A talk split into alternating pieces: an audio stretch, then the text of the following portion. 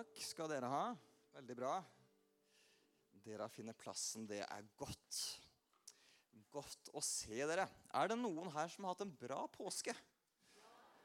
Godt å høre, altså. Jeg har hatt en fin påske, jeg også. Jeg har vært én eh, dag på ski, og så har jeg vært et par dager ved sjøen. Og så har jeg hatt masse familiebesøk, så det har vært en god påske. Og så syns jeg det er noe veldig sånn eh, positivt og oppløftende med første og andre påskedag.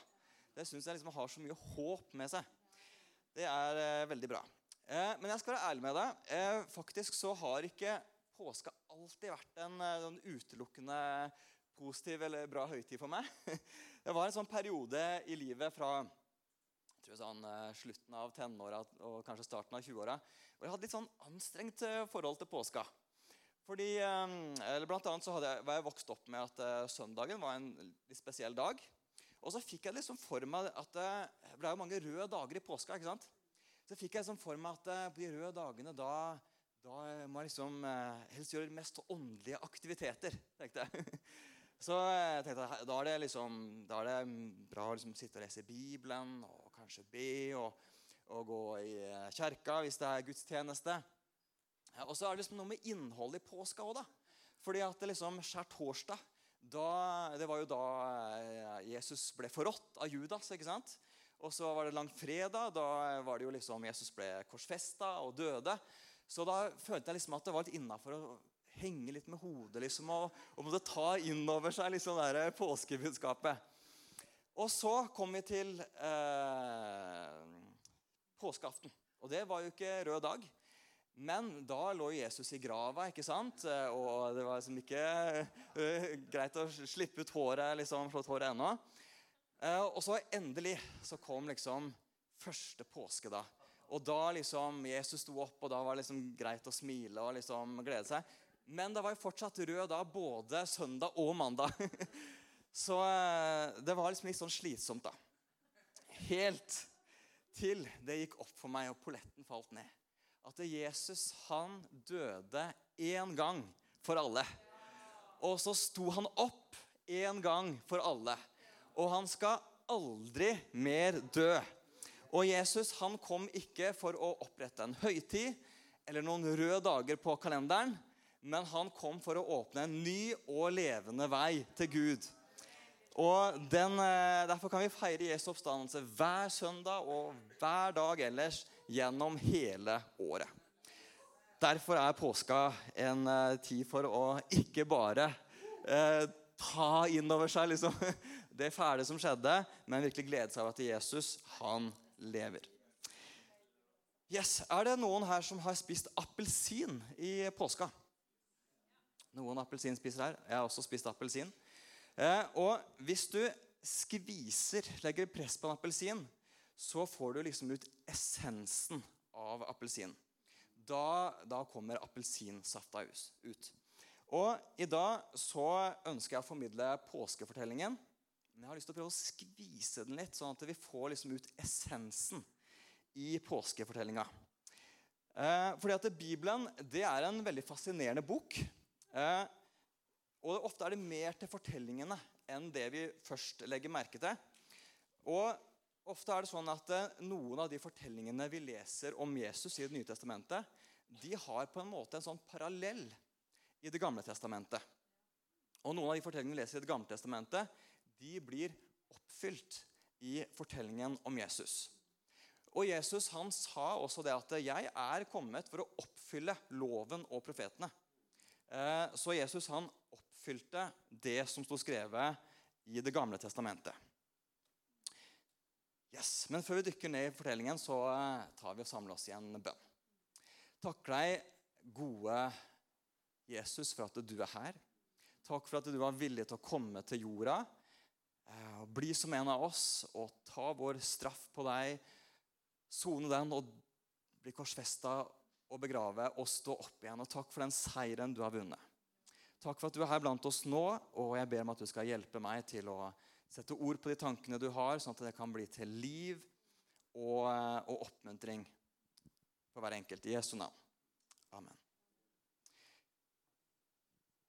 Da Jesus døde så skjedde jo det i, eh, i påska, i jødenes påske. Eh, så det var jo allerede en etablert høytid for jødene. Og De feira jo selvsagt ikke at Jesus døde og sto opp, for det hadde han ikke gjort. Men det som de feira, det var til minne om at jødene ble satt fri fra fangenskapet i Egypt. For der var de i fangenskap i flere hundre år, helt til Gud valgte ut Moses, som skulle lede israelsfolket ut i frihet. Og Det foregikk på den måten at Gud sendte noen prøvelser over eh, egypterne. Og så kom det et påbud fra Gud. At eh, alle jødiske familier skulle velge seg ut et eh, feilfritt lam. Et påskelam. Og Det skulle de ta med seg hjem og skulle slakte det. Eh, og så skulle ta blodet fra det lammet og så skulle smøre det på dørstokkene, eller ikke dørstokken, men de dørstolpene på døra si. De vertikale og den horisontale der skulle smøre blod.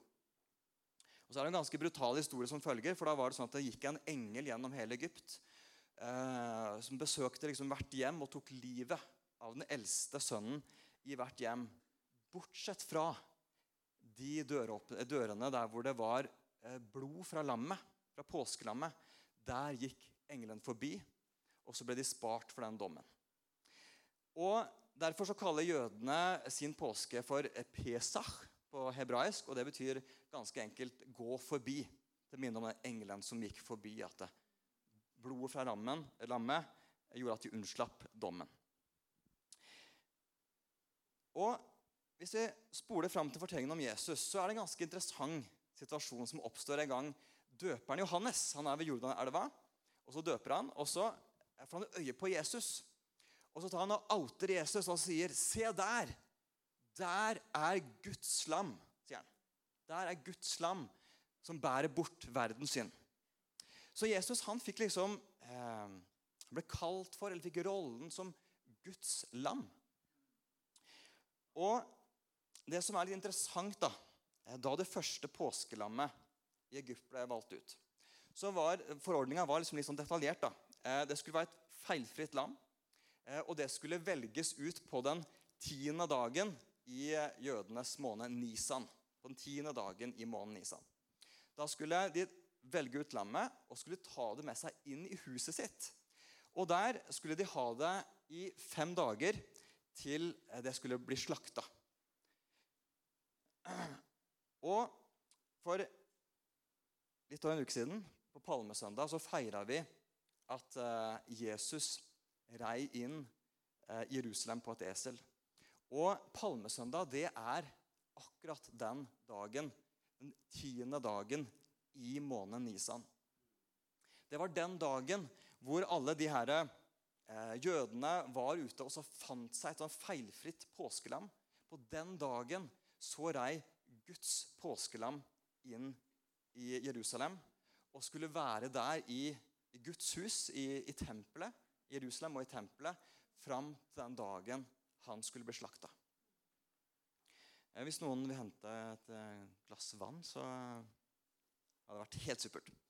Eh, men så var det også litt spesielt, fordi at i, i Jerusalem på denne tida så var det noen forordninger om at de skulle ikke ha liksom sauehold i Jerusalem.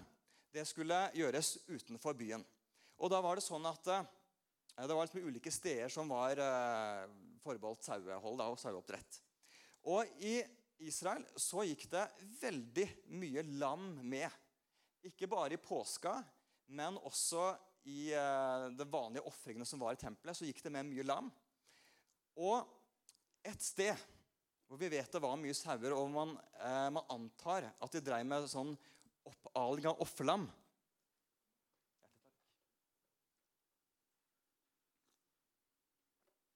det var, det var i Betlehem. Man antar at Betlehem det var et sånt sted hvor man ala opp da sauer og, og, lam som skulle brukes i ofringene. Og Da er det veldig interessant hvem var de første som fikk vite at Guds lam var født. Det var gjeterne på marken. Og hvem var de første som besøkte krybben eller stallen der og fikk se Guds lam? Det var gjeterne. Og de som da alltid var til stede når offerlamma ble født, de var også til stede den natta hvor Guds lam ble født. Og Jesus han ble født der blant offerlammene av samme hensikt som de. Han skulle bli ofra i Jerusalem. Jesus han ble født med én hensikt, og det var å være en gave til oss. Være et kjærlighetsoffer fra Gud. Men hvorfor måtte Jesus komme som et offerlam? Da må vi jo tilbake til begynnelsen av, av, historien. Bibelen forteller at eh, Gud skapte jorda med et fantastisk sted. Han skapte en nydelig hage som het Edens hage. og Der plasserte han de første menneskene. Og Der var det ingen bekymringer. Der eh, trengte de ikke å jobbe og slite for føda. Eh, og det var trær de kunne spise av. kunne spise hva de ville, bortsett fra ett tre med frukt som ga kunnskap om godt og ondt. Så sa Gud at dere spiser av det treet, så skal dere også dø. Og Så kjenner vi denne merkelige historien om, om hvordan djevelen eh, på en måte framtrer i skikkelse av en slange. og så, så frister han Adam og Eva og sier at nei, nei, men eh, dere skal ikke dø. Men Gud vet at hvis dere spiser av den frukten, så kommer dere til å bli som Gud. Og det som skjedde, det var jo at eh, Adam ga etter for denne fristelsen til å bli som Gud. Så tok han den frukten. I påska så var Jesus også i en hage. Han var i Getsemanehagen. Og Der er det en veldig interessant historie hvor Jesus kaster seg ned på kne for Gud. Og Så visste han hva som lå foran, så han ber oh, god Gud, hvis det er mulig, så la meg slippe å gjøre det jeg skal gjøre nå. Så Han øh, ønska jo å slippe det her, men så legger han til 'men'. Ikke som jeg vil, men som du vil.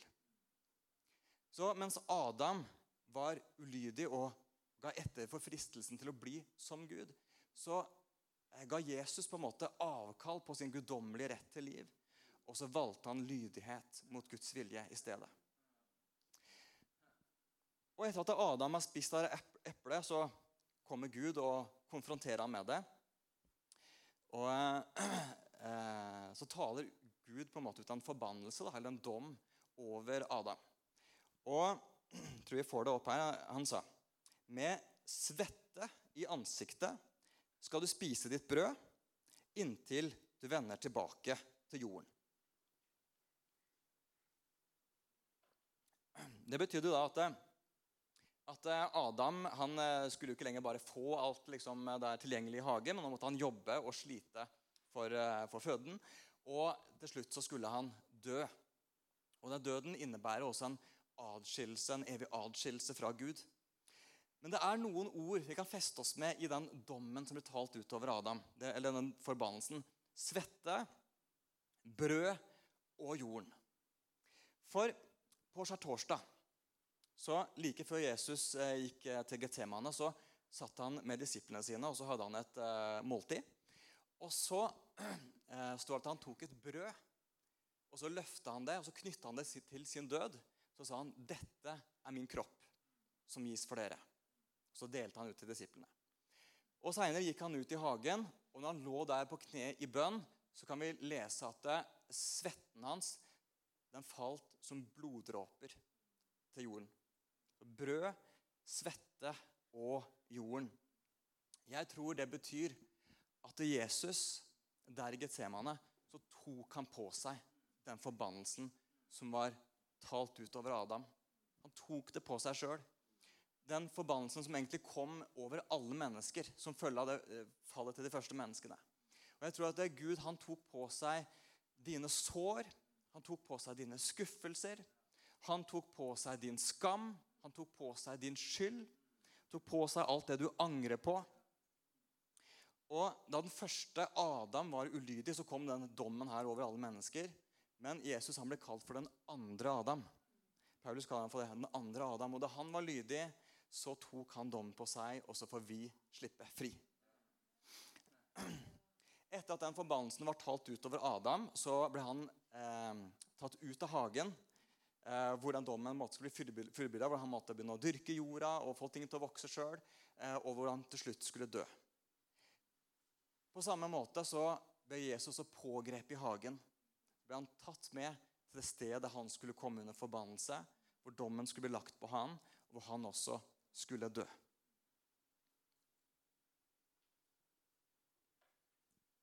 Så fulgte det da noen eh, forhør da, av Jesus den natta. Ganske mange forhør. Og så endte han til slutt opp hos eh, den romerske landshøvdingen Pontus Pilatus. Og Pontus Pilatus han fant egentlig ikke noe feil ved Jesus, så han ønska egentlig å sette Jesus fri. Og Derfor så hadde han en, en sånn vane som han pleide for å blidgjøre jødene, at han ga fri én fange i påskehøytida. Så stiller han opp Jesus foran folket på sin ene side. Og så stiller han opp en forbryter som het Barabas på den andre sida. Han hadde eh, vært med og fått til et opprør i Jerusalem. som hadde, og hadde noen blitt drept under opprøret. Og så sier han til dem, eh, hvem vil dere at skal sette fri? Den historien her har egentlig en veldig interessant parallell i 3. Mosebok, kapittel 16. For der står det en forordning som Gud gir beskjed om Eh, til en dag som het Jom Kippur, den store forsoningsdagen, som var på en måte den helligste dagen eh, for jødene. Da var det sånn at eh, presten skulle velge seg ut to geiter. To feilfrie geiter. Og de skulle han stille fram foran folket. Den ene på venstre side og den andre på høyre side. Og så skulle de få tildelt hver sin skjebne. Den ene skulle bli ofra for folkets synder, og den andre skulle bli sluppet fri. Og da var det sånn at De, trakk to lapper og så la det på hodet til geitene. og Så ble skjebnen tildelt. Den ene ble ofra for folkets synder. Den andre bukken ble satt fri. Men så var det en sånn krav til de bukkene, og det var at de skulle være identiske. Eller de skulle framstå like. Og hvordan var det med Jesus og Barabas? Hvilken likhet var det mellom de, rettferdige Jesus og denne forbryteren Barabas? Da må vi se på navnet til Barabas. Fordi at navnet hans det kommer fra Bar og Abba. Bar, det betyr sønn. Abba, det betyr far. Så på den ene sida av Pilatus så står Guds sønn, Faderens sønn. Og på den andre sida der står fars sønn, Barabas. Og jeg tror det forteller oss at eh, Jesus han ble som en av oss. Han identifiserte seg med oss, med våre forbrytelser, med vår synd, med vår elendighet, med den dommen som vi fortjente. Og så ble skjebnen utdelt. Jesus måtte dø for folkets synder, og Barabas ble satt fri. Og så begynner Jesus på denne reisen eller vandringa opp til Golgata. Og den historien har også en parallell i første Mosebok kapittel 22. Og Den handler om Abraham og Isak. Abraham var jødenes stamfar, og på sine eldre dager så fikk han en sønn med kona si Sara, eh, som het Isak. Og Abraham var utrolig glad i Isak. Men så en dag hører han Gud si til han, Abraham, Ta din sønn, den eneste, Isak, han du elsker, og dra til landet Moria. Der skal du ofre ham som et brennoffer på et av fjellene. Jeg skal fortelle deg hvilket. Og Det er jo nok en brutal historie. Eh, og, og, Det må ha vært en forferdelig beskjed for Abraham å få. Men det som er fascinerende, er at tidlig neste morgen så står han opp, saler på eselet, setter Isak på eselet og så begynner de på vandringen mot Moriafjellet. Og det som er veldig spesielt med dette Moriafjellet For nå var det at Gud, Gud sa 'Jeg skal vise deg hvilket'. Han ville at han skulle ofres på Moriafjellet. Og det her Moriafjellet det var der Jerusalem seinere ble etablert. Så det var på det samme stedet hvor Jesus også ble korsfesta. Og Så ser vi denne parallellen med Isak som rir mot dette Moriafjellet på et esel. Og så husker vi Jesus som rei inn i Jerusalem på eselet. Og så kommer eh, Isak fram. Eh, Abraham tar han av eselet, så tar han offerveden og fester den på ryggen til Isak. Og så må Isak bære den sjøl opp på fjellet. Og På samme måte så ble offerveden til Jesus, eller det her korset, ble jo lagt på skuldrene til Jesus. Og så måtte han bære det opp til Golgata. Da Isak eh, kommer fram, så bygger Abraham et alter. Så legger han offerveden på alteret, og så binder han Isak fast til veden. Og På samme måte så ble Jesus spikra fast til korset, kanskje også bindt fast, så han ikke kunne unnslippe. Og så står Abraham der, da, på det samme stedet som Jesus skulle være 2000 år seinere. Så løfter han kniven sin, og så hører han en stemme som sier Abraham, Abraham, legg ikke hånd på gutten og gjør ham ikke noe. For nå vet jeg at du frykter Gud, siden du ikke har spart din eneste sønn for meg. Og så får Isak klatre ned fra dette alteret. Så er han fri. Mens Jesus han henger der på korset, blodet hans renner nedover de her eh, korsstolpene på samme måte som blodet fra det første, aller første påskelammet rant nedover eh, de her dørstolpene og liksom varsla en, eh, en frihet fra dommen. Så henger Jesus der på korset, og så er det ingen som befrir ham. Fordi at det som Gud ikke ville kreve av Abraham, det krevde han av seg sjøl. Og så ofrer han der sin eneste sønn på korset for oss. En annen interessant ting med den historien om Abraham og Isak det er at det er, det er første gang i Bibelen hvor ordet 'elsker' er brukt. Og det er i det verset jeg leste i starten. Første Mosebok 22,6. Ta din sønn, den eneste, Isak, han du elsker, og dra til landet Moria. Når jeg leser det verset, så får jeg liksom tanker om det, det som tales ut eh, over Jesus fra himmelen da han blir døpt. Da hører han en stemme, og så sier Gud, 'Dette er min sønn, den elskede. I ham har jeg min glede. Jesus det var jo Guds største og første kjærlighet. Og Da gjenstår jo spørsmålet hvordan i all verden kunne Gud være villig til å ofre sin første og største kjærlighet for deg og meg? Og Det tror jeg det finnes kun ett svar på. Det er fordi at han elsker deg akkurat like høyt. Så Derfor så trenger ikke du å lure på om Gud elsker deg.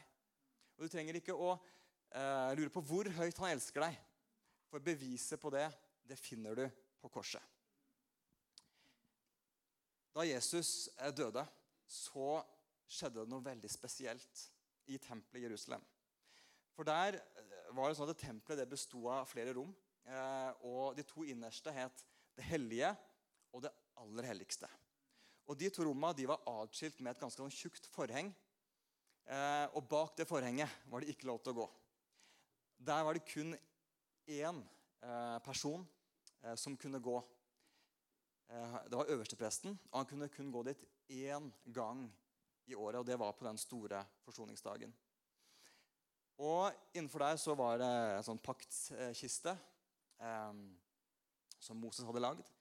Eh, og så var det sånn at den eh, presten som skulle gå inn dit, han måtte rense seg på riktig måte med vann. Og så måtte han slakte et dyr og ha med seg blod inn bak forhenget. Og det stedet var så hellig, for man, man, så for seg at det er liksom der, der hadde Gud sin bolig. Hvis han bodde noe sted blant menneskene, så var det der han holdt til. Og det var så hellig at eh, den presten hadde på seg bjelle på klærne sine. Sånn at De som sto bak forhenget, de kunne høre liksom, når han gikk rundt og, og liksom gjorde de her, skulle stenke blod her og der. Så hørte jeg han var i bevegelse. Eh, og hvis de her bjellene stoppa å ringe, så skjønte jeg at et eller annet hadde skjedd.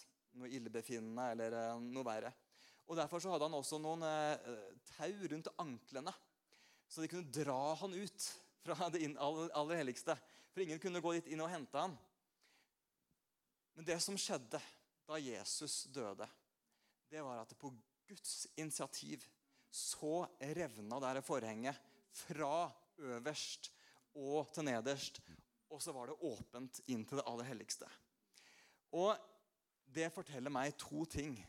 Det ene det er at eh, nå er du velkommen inn i Guds nærvær. Nå er ikke det forbeholdt bare de privilegerte få, men du er velkommen helt inn til Guds nærvær.